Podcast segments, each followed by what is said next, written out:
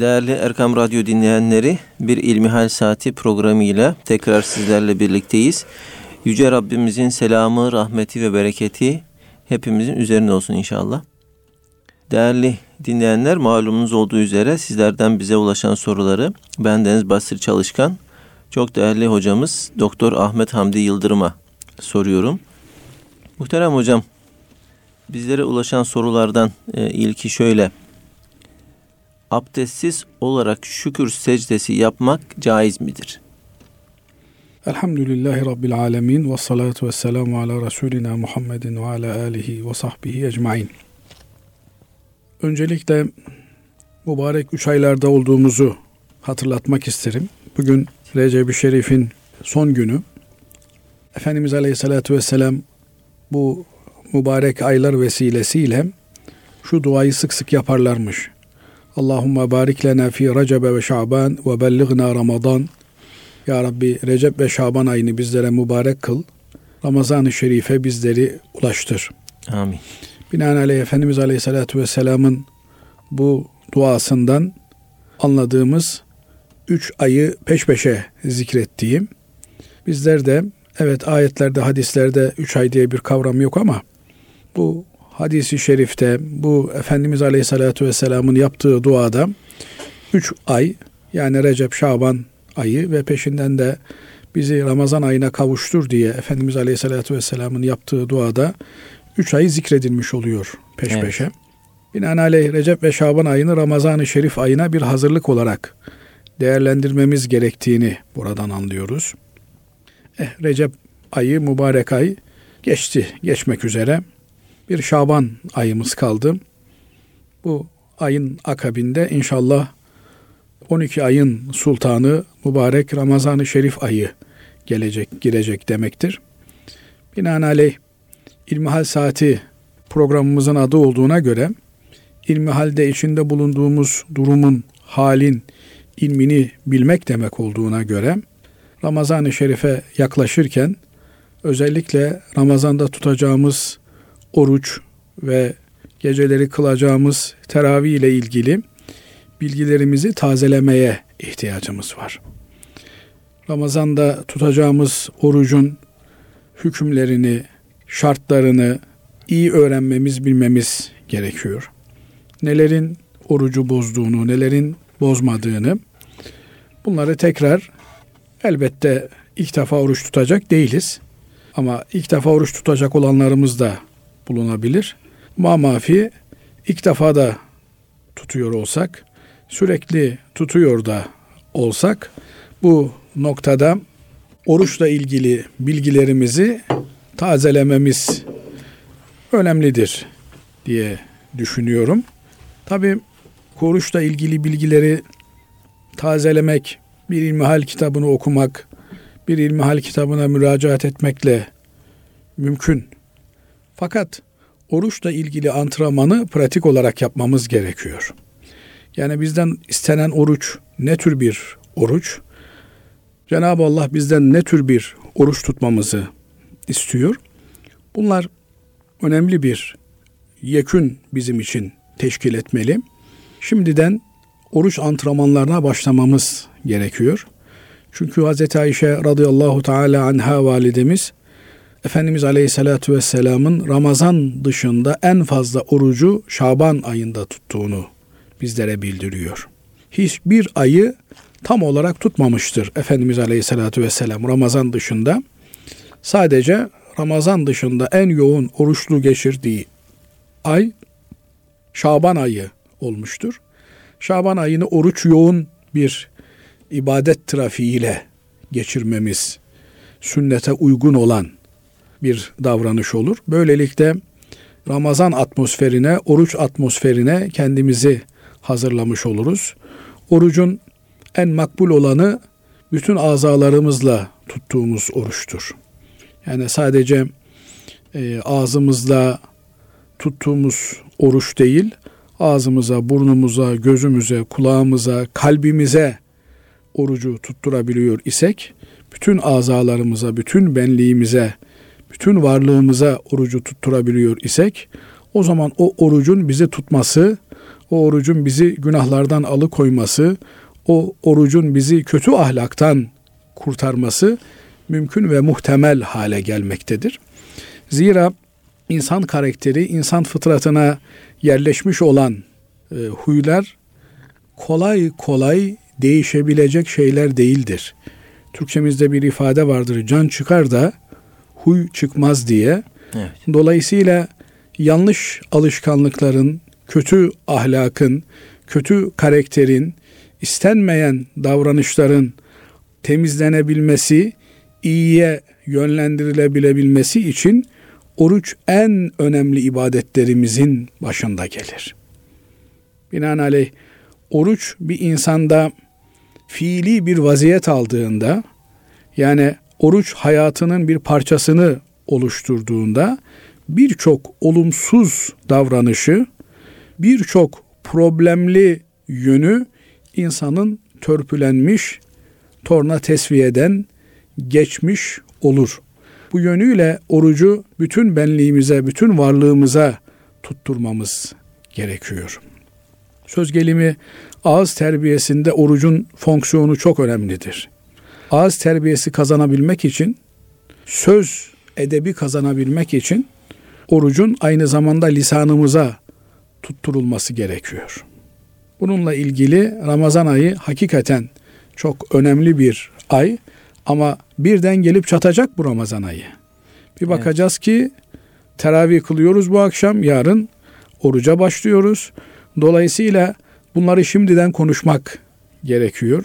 Şimdiden bunların derdiyle dertlenmek gerekiyor. Binaenaleyh son ay elimizdeki Ramazan öncesi hazırlık için geçirebileceğimiz son ay Şaban ayı önümüzde var. Bu Şaban ayını gecesiyle gündüzüyle iyi bir hazırlık maksadıyla değerlendirmemiz gerekiyor. Bu noktada infak hazırlıklarına da başlamamız gerekiyor. Özellikle de zekat verecek olan kardeşlerimizin mesela Şaban-ı Şerif'in 15'i Berat gecesi olarak coşkuyla kutladığımız gecelerden bir tanesi. E, o geceyi vesile yaparak zekat hesaplarımızı o gecenin gündüzünde ertesi sabah yapabiliriz. Böylelikle zekat hesaplarımızı yaptıktan sonra Ramazana girmek üzereyken Ramazan ayında ayırdığımız zekatlarımızı verebiliriz. Çünkü Ramazan ayı hakikaten Müslüman hanelerinde, evlerinde tüketimin de arttığı bir ay, bolluğun, bereketin geldiği bir ay. Yapılan araştırmalara göre Ramazan ayı münasebetiyle aylık harcamaların 2-3 misli arttığı görülüyor. Çünkü belki başka zamanlar düzenli yemekler pişmiyor evlerde. Ona göre hafta geçiyor, bir iki defa ya yemek yapılıyor ya yapılmıyor.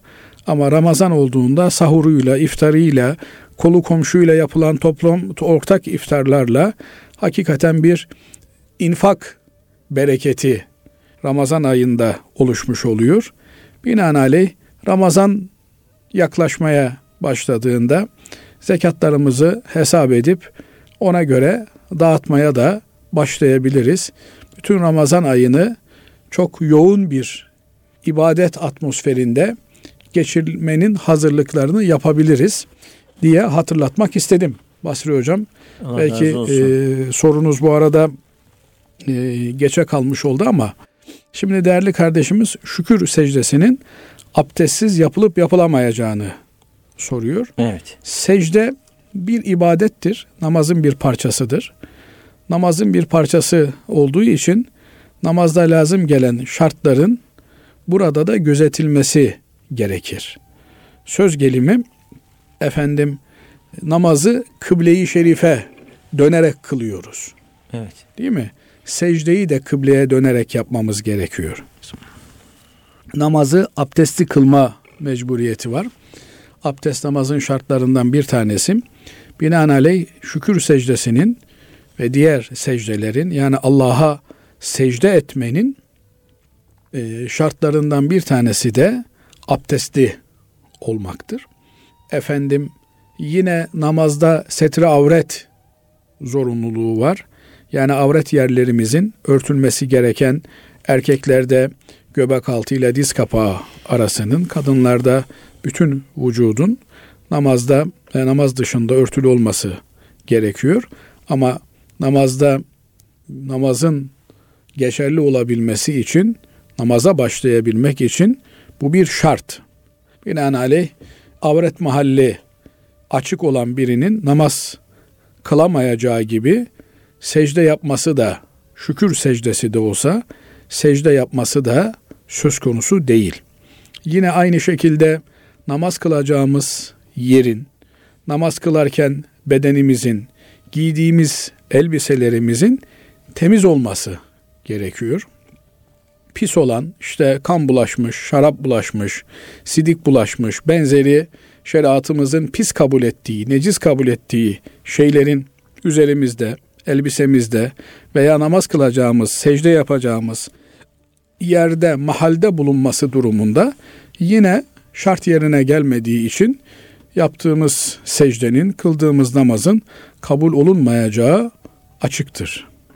Binaenaleyh namazın bir parçası olan secdenin şartlar itibarıyla namaz için geçerli olan bütün şartları haiz olması, bütün şartların yerine getirilmesi gerekliliği söz konusudur.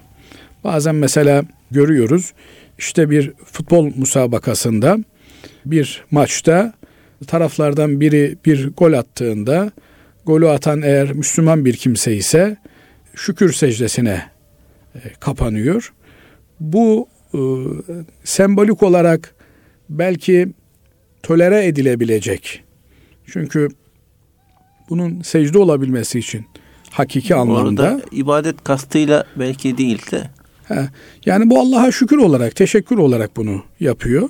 İşte birileri de eğer Hristiyansa istavroz çıkartıyorlar. Evet. Öyle dua işaretleri yapıyorlar. İstavroz deniyor herhalde. Evet. Yanlış hatırlamıyorsam. O tür işaretlerle tanrılarına şükürlerini arz ediyorlar. Müslüman olan biri de e ben secdeyle bu şükrümü yerine getiririm demeye çalışıyor. Belki setre avret gerçekleşmiyor. Evet. Bazen çünkü dizüstü e, şortlar giyiyorlar. Bu yönüyle aslında bu maçların seyredilmesi de problemli. Çünkü erkek erkeğe avret göbek altı ile diz kapağı altı arasıdır. Binaenaleyh e, giyilen şortların diz kapağından aşağı olması lazım gelir. İşte hamamda olsun, havuzda olsun, denizde olsun, başka dönemlerde olsun, isterse bir futbol maçını seyrederken olsun, erkeklerin eğer avret mahalleri görünüyor ise, dizlerinden yukarısı görünüyor ise buralara bakmak caiz değil. Buralara bakmak haramdır. Binaenaleyh bu şekilde bir şükür secdesi de ibadet olarak şekil şartlarını yerine getirmediği için makbul bir secde, kabul edilen bir secde değildir. Ama böyle bir secdeyi yapan kimseye usulden hatası var diye esasından da böyle bir secdeyi yapma demeyiz. Onun yerine ona şunu tavsiye ederiz. Eğer şort giyme e, uluslararası müsabakalarda, e, maçlarda bir zorunluluk olarak dayatılıyorsa şortun altına yine avret mahallini örtecek şekilde bir bandaj giyilebilir. Böylelikle diz kapağıyla işte baldıra kadar o bandaj ayağını kişinin örtmüş olur. Bu durumda da kıbleyi tespit eder bir kimse. Hakikaten golü attığında da döner kıbleye efendim şükür secdesini adam gibi yapar. Böylelikle hem makbul bir secde yapmış olur. Tabi e, el verir ki maçın oynandığı alanın gübrelenmemiş bir alan olması gerekir. Eğer gübre olursa tabi necasetten temizlenmiş olmaz. Hocam çok netameli bir konuya girdik. Yani e, burada futbol oynamak caiz mi diye ben e, benim aklıma bu geldi şimdi. Yani futbol bir yani dünya çapında bir insanları uyutma aracı olarak e, telakki edilirse yani ve bunun boş vakit geçirmek efendim e, lüzumsuz olarak addedilmesi mümkün değil mi? Tamamen dediklerinize katılıyorum Basri Hocam. Fakat benim anlatmak istediğim şey farklı bir şey. Biz secdeden bahsediyoruz. Secde ile ilgili karşılaştığımız durumlardan bahsediyoruz. Zaman zaman bu tür pozisyonlar da bir tartışma konusu haline getiriliyor. Söz gelimi ben mesela diyorum ki adam meyhanede şarap içiyor. Şarap içmesi kabul edilecek bir davranış mıdır? Değil. Değildir. Ama arada bir su içerken su içerken de dikkat etsin diyorum. Su şöyle içilir. Ben su içerken dikkat etsin derken içtiği şarabın caiz olduğunu söylemeye çalışmıyorum. Evet. Haşa. Evet. Yani bu tür oyunlar vesaireler bunlar ayrı belki bir konuşma konusu, tartışma konusu. Bu arada tabii aklıma geldi. Biz geçen haftadan dinleyicilerimize bir söz vermiştik. Ümmet meselesini konuşacağımıza Doğru. dair. Evet. Şimdi aklıma geldi. Çünkü bunu da belki bir başka programa havale edeceğiz diyeceğim ama geçen haftadan kalan ümmet meselesini konuşmadığımız için oradan bir e, seyircilerimize borcumuz var. Belki ikinci bölümde onu İnşallah e, ikinci konuşabiliriz, bölüm, e, sorabilirsiniz. Onu hatırlatmış olayım sizlere Basri Hocam. Teşekkür ediyorum. Sağ olun. Ee, futbol meselesi ve benzeri oyunlar insanların dinlenmeye de ihtiyacı var, eğlenceye de ihtiyacı var. Fakat bu eğlencenin, dinlenmenin programlı hale getirilmesi, eğlencenin bir sektöre dönüşmesi e, ve hayatımızın belli zamanlarını çalar bir unsura dönüşmesi bizim yaratılış gayemizle bağdaşmayan hususlardır. Evet yeri geldiğinde dinlenilir, yeri geldiğinde eğlenilir. Eğlenmelerin münasebetleri vardır. Düğündü, dernekti vesaire e, zamanlarda, bayramlarda insanlar mutlu, neşeli, eğlenceli vakit geçirirler.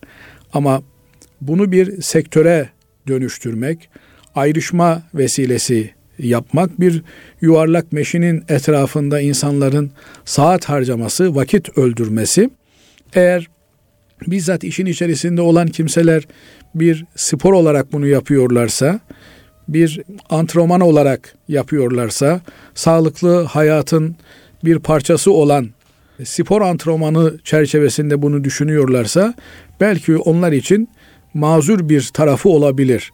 Ama oturup saatlerce bunları seyretmenin, bunları tartışma konusu yapmanın, gündem yapmanın akılla bağdaşı bir tarafının olduğunu düşünmüyorum. Bu tabii benim kendi e, düşüncem. Birileri bu sektörün üzerinde çok e, ciddi emekler harcayabilirler. Günlerini, aylarını işte filan adam o maçta oynasaydı daha iyi olurdu. Şöyle yapsaydı böyle olurdu filan diye harcayabilirler. Ama bunlar ciddi bir Müslüman söz konusu olduğunda bir Müslümanın iltifat etmeyeceği şeyler olarak görünüyor. Çünkü Müslümanın yapacağı, yapması gereken vaktinden çok işlerinin olduğunu biliyoruz. Binaenaleyh vakti en hayırlı işlerde kullanmak gerekiyor. Tekrar secde meselesine dönecek olursak şükür secdesi olsun, başka bir secde olsun. ibadet olan secdelerin ibadet olarak geçerli, makbul olabilmesi için namazda aranan şartlar bu secdede de aranır. Elbette namazın iç şartları olan rükünler bu secdede aranmaz. Bu secde nedir? Ayakta veya otururken tekbir alarak yere kapanmak ve Subhane Rabbiyel A'la, Subhane Rabbiyel A'la, Subhane Rabbiyel A'la diyerek tesbih çekmektir. Bu secdenin rükünü yani bu secdeyi ibadet haline getiren unsur secdeye kapanmaktır. Tekbir getirmek, secdede tesbihat okumak onun mütemmim bir parçasıdır. Tamamlayıcı bir unsurudur. Yoksa namaz şartları yerine gelmiş vaziyette olan bir kimse yere kıbleye doğru kapandığında bu niyeti şükür secdesi yapmak ise secde yerini bulmuş olur. Evet. Değerli hocam Allah razı olsun hatırlattınız. Geçen haftadan kalan bir sorumuz vardı. Önemli bir sorumuz. Cevabı uzun olabilir diye bu haftaya bırakmıştık. Sorumuz ümmet ne demek? Ümmet kelimesinin anlamında fıkhi bir boyut var mıdır? Evet, ümmet kelimesi Kur'an-ı Kerim'de birçok yerde geçen bir kelimedir. İnne hazihi ümmetukum ümmeten vahide. Kur'an-ı Kerim bu sizin ümmetiniz tek ümmettir diyor. Ümmet nedir? Ümmet bir gidilen güzergah, yürünen yol anlamına Kur'an-ı Kerim'de kullanılmaktadır. Diğer taraftan Kur'an-ı Kerim'de kullanım anlamlarından bir tanesi de bir grup insan, bir cemaat, bir kitle anlamına kullanılmakta. Yine asıl ümmet denildiğinde aklımıza gelen bir din etrafında toplanmış, birleşmiş insanlar topluluğudur ümmet. Mesela Kur'an-ı Kerim müşriklerinin ağzından onların e, batıl dinleri üzerindeki ısrarlarını şu şekilde gerekçelendirdiklerini söyler. Estağfirullah billah. İnna vecedna âbâena ala ummetin ve inna ala âthârihim muhtedun. Biz atalarımızı, babalarımızı bir ümmet, bir yol üzere bulduk, bir din üzere bulduk. Bizler de onların izlerini takip ediyoruz der. Diğer taraftan Şuayb Aleyhisselam'ın kızlarının Şuayb Aleyhisselam yaşlı evin su ihtiyaçlarını karşılamak için kuyuya su doldurmaya gittiklerinden bahseden ayetlerde Musa Aleyhisselam'ın bu olaya şahit olmasından bahseden ayetlerde yine bu kelime geçer. وَلَمَّا وَرَدَ مَاءَ مَدْيَنَ وَجَدَ عَلَيْهِ اُمَّةً مِنَ النَّاسِ يَسْقُونَ Medyen'e Musa Aleyhisselam'ın yolu düştüğünde orada bir suyun etrafında toplanmış su alan ümmet görür. Bir grup insan görür diyor. Binaenaleyh ümmet ifadesi buralarda bir grup insan anlamına gelmektedir. Ama bir din etrafında toplanmış insan grubu bir dini benimsemiş, ona tabi olmuş insan grubu anlamında Kur'an-ı Kerim'de ümmet kelimesinin kavramının çokça geçtiğini görmekteyiz. Mesela bir ayeti kerimede Buyuruyor ki Cenab-ı Allah velev şa'allahu leca'alekum ümmeten vahide. Allah dileseydi sizi tek bir din üzere toplanmış bir ümmet kılardı. Bir başka ayette her ümmete kendi amelini süsledik buyuruyor Cenab-ı Allah. Ümmet ifadesi hakiki anlamda bir dinin etrafında birleşmiş, ortak bir misyonu yüklenmiş, aynı duygularla birbirine bağlı olan bir insan topluluğunu kastetmektedir. Bu yönüyle ümmetin fertleri birbirleriyle kenetlenmek durumundadırlar. Ümmetin fertlerinin birbirleri üzerinde hakları söz konusudur. Bu ümmetin fertleri kendi aralarında kardeş olarak kabul edilmiştir. Evet, kardeşlik bir ana babadan, aynı ana babadan gelmek suretiyle gerçekleşeceği gibi ki biz buna maddi kardeşlik, dünyevi kardeşlik diyoruz. İnsanların bu anlamda dünyevi kardeşlerini, maddi kardeşlerini seçme imkanları söz konusu değil. Bu ızdırari bir şeydir. Cenab-ı Allah kimin kime kardeş olacağını kendisi takdir buyurmuştur. Ama diğer tarafta hakiki kardeşlik din kardeşliğidir, ümmet kardeşliğidir. Bir ümmete mensup olma gereği ortaya çıkmış olan kardeşliktir. Onun için Cenab-ı Allah Hucurat suresinde innemel mu'minune ihvetun buyurmaktadır. Müslümanlar ancak kardeştirler. Müminler ancak kardeştirler. Müminleri kendi aralarında tavsif edebilecek, niteleyebilecek, tanımlayabilecek, anlatabilecek başka bir kelime yoktur. Müminler birbirlerinin kardeşidirler. Bir ümmet olmanın, bir ümmete mensup bireyler olmanın doğal zorunluluğu olarak müminler kardeşlik hukukuyla birbirlerine bağlıdırlar. Binaenaleyh kardeşlik hukukunun en önemli noktası da aslihu beyne ahaveykum. Hemen ayetin devamında kardeşlerin arasını, iki kardeşin arasını ıslah edin. Birbiriyle küs, dargın, hiçbir kardeşin kalmasına Kur'an'ın ruhu razı olmaz. Cenab-ı Allah rıza göstermez. Eğer yeryüzünde birbiriyle dargın, gücenmiş, konuşmayan, birbiriyle ilişkisini kesmiş iki mümin varsa orada müminlik hukuku yara almıştır, zedelenmiştir. Bakın Kur'an-ı Kerim'de bir ayeti kerime var. Bu ayeti kerime çok önemli bir mesaj müminlere iletiyor. Ee, müsaadeniz olursa bir yandan da ayeti kerimenin tam şeyini vermeye çalışayım. Bunun için male bakayım. Cenab-ı Allah buyuruyor ki Kur'an-ı Kerim'de müminler kendi aralarında kardeştirler.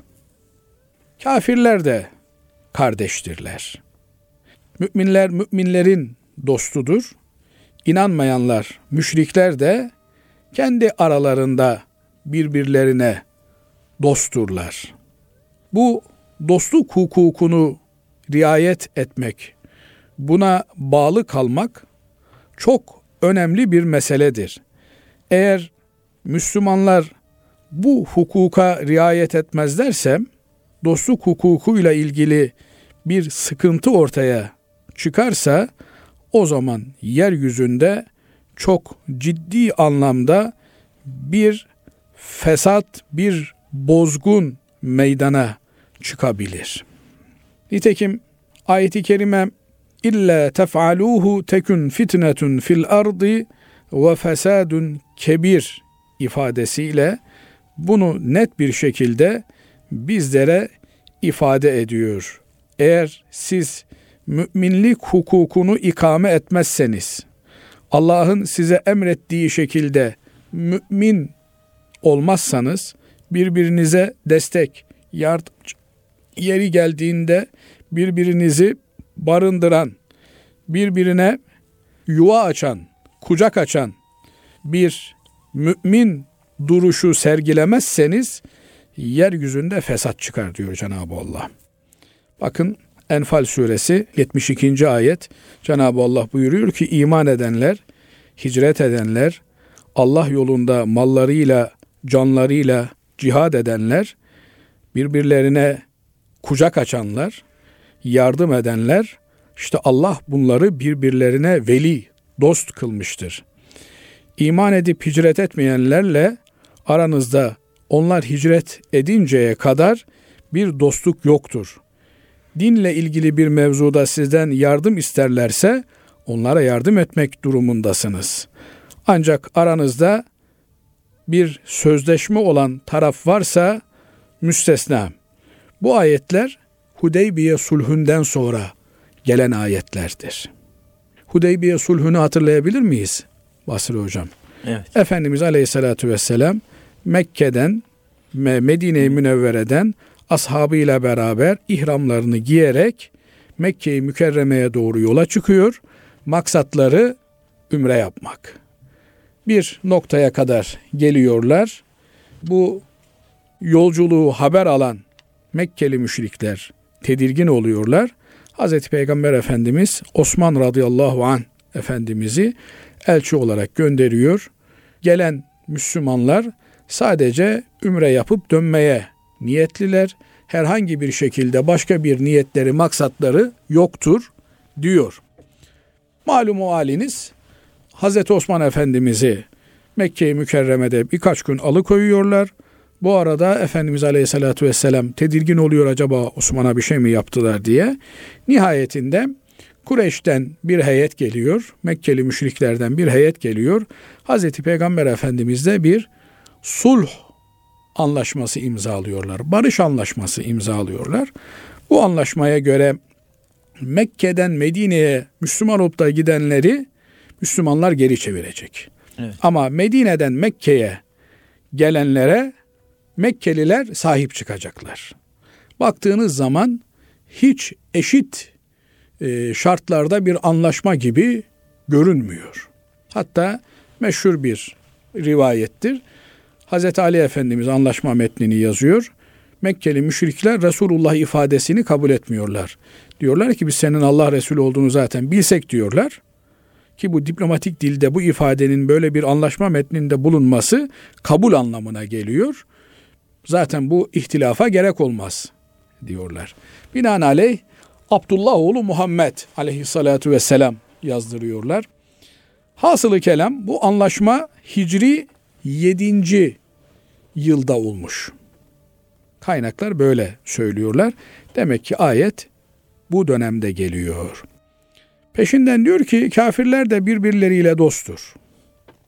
Sonra ayet şu cümleyle ultimatom cümlesiyle bitiyor. İlla tef'aluh.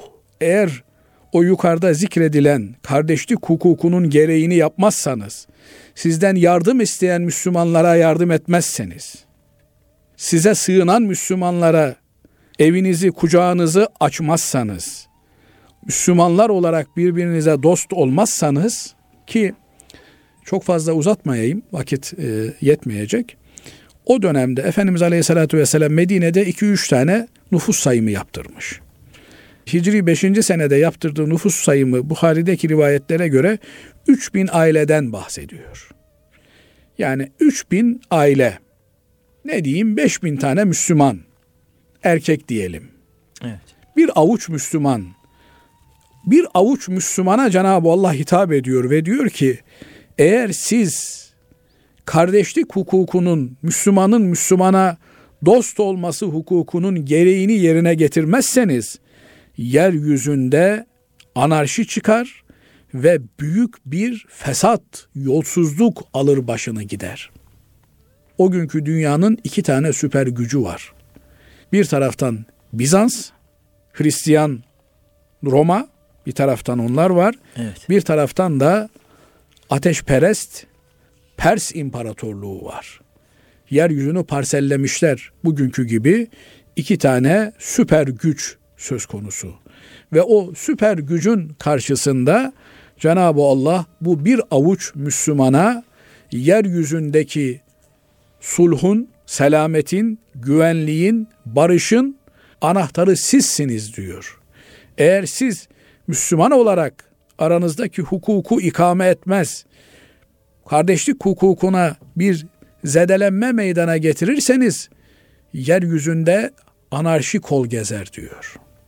Halbuki Müslümanları o gün dünyada tanıyan hiçbir devlet yok. Evet. Medine-i Münevvere'ye sıkışmış kendi halinde insanlar olarak görünüyorlar. Demek ki Cenab-ı Allah ümmet olarak ümmetin bütün fertlerini bir çarkın dişlisi gibi kabul ediyor. Bir tarağın dişleri gibi kabul ediyor. Ve bu ümmetin en basit bir ferdi ümmetin en önde gelen ferdi ile aynı haklara sahip. Aralarında renk, dil, coğrafya ve benzeri sebeplerle bir ayrımın olması söz konusu değil. Eğer kardeşlik hukukunu Allah'ın beyan ettiği takva kriteri dışında bir kriterle eşitler, üstler ve altlar olarak bölmeye çalışırlarsa o zaman yeryüzünde anarşinin, bozgunun, ahenksizliğin, düzensizliğin egemen olacağını Kur'an-ı Kerim haber veriyor. Binaenaleyh bu ümmetin fertleri içerisinde birbirine dargın, küs, düşman bireylerin olması asla kabul edilebilir bir şey değil. O birbirine dargın olan insanları barıştırmak da ümmetin kalanının görevidir. Eğer iki taraftan biri barışmamaya haksız olduğu halde mücadeleye devam yönünde bir karar alırsa o zaman ümmetin kahir ekseriyetinin uzlaşmanın mümkün olmadığı yerde o kanser olan hücreyi izale etmesi onları bertaraf etmesi, imha etmesi mecburiyeti var. Zira yeryüzünde Allah'a iman edip mümin olduğunu söyleyen, sonra da mümin kardeşiyle kavgalı olan bir insanın bulunması yeryüzünün huzuru açısından, yeryüzünün selameti ve güvenliği açısından çok büyük bir tehlike oluşturacaktır. Bu yönüyle Efendimiz Aleyhisselatü Vesselam bu ayetteki ifadenin bir benzerini evlilikle ilgili bir hadisi şerifinde zikreder. Buyurur ki Efendimiz Aleyhisselatü Vesselam, dinine razı olduğunuz, dindarlığıyla ilgili bir problem ortaya koyamadığınız bir genç gelir kızınızı ister, kardeşinizi ister, sizin velayetiniz altında bulunan bir bayanla evlenmek ister de vermezseniz efendim sosyal statüsü bizim aileye uygun değil. Geliri bizim aileye uygun değil. Şu memleketten, bu kabileden diyerek araya dünyevi hırsları vesaireleri katarak Müslüman bir gencin kızınıza talip olması durumunda onu reddederseniz tekün fitnetun fil ardı ve fesadun arid. Hadis-i şerifin son ifadesi yeryüzünde fitne olur, anarşi olur ve enine doğru büyüyen bir bozgun, fesat, yozlaşma meydana gelir diyor. Niye? Çünkü takva temeli üzerine kurulmamış bir aile yapısı, dindarlığın baz alınmadığı, zenginliğin, güzelliğin, şanın, şöhretin, namın kriter olarak benimsendiği bir aile yapısı takva üzere tesis edilmemiş olan bir yapı olduğundan yıkılmaya mahkumdur. Aile yıkıldığında bir domino taşı etkisi yaparak bütün toplum yıkılır.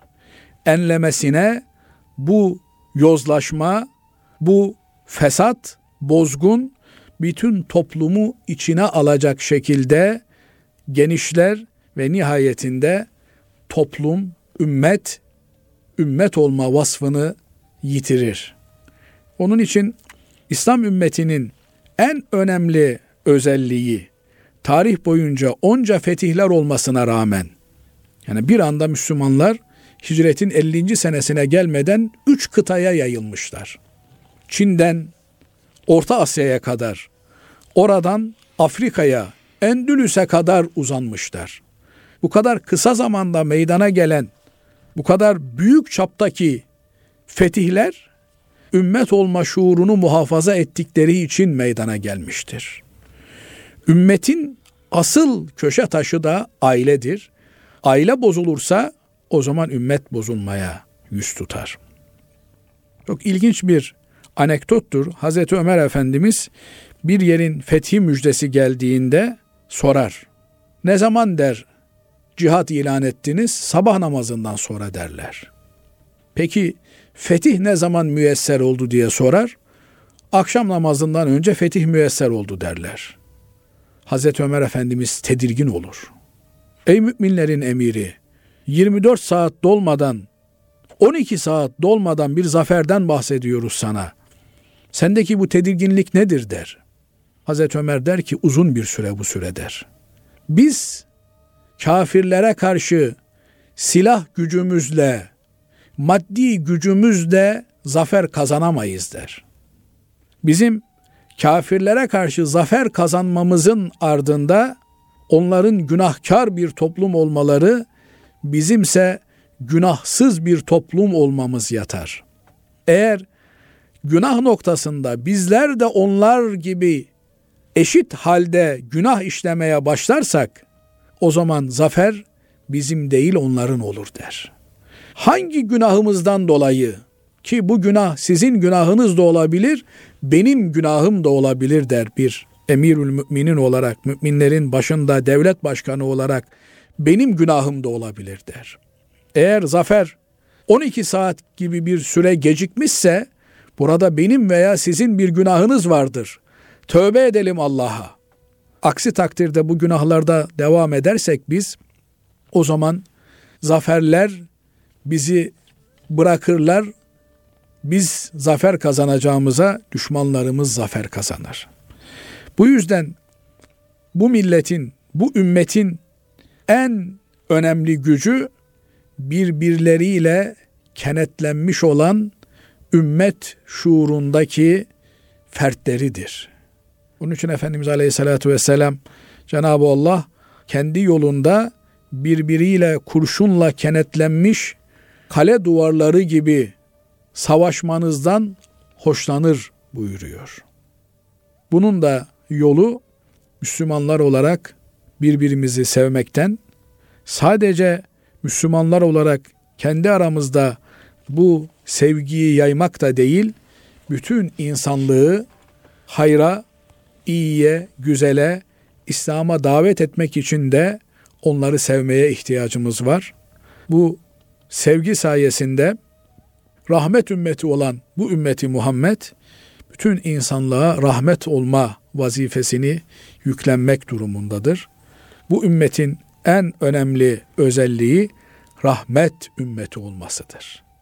Öyle ki düşmanına bile merhamet eden, öyle ki taşa, toprağa bile merhamet eden, bütün kainattaki her türlü varlığa merhamet sergileyen bir ümmet olma şuurunu muhafaza etmemiz gerekiyor.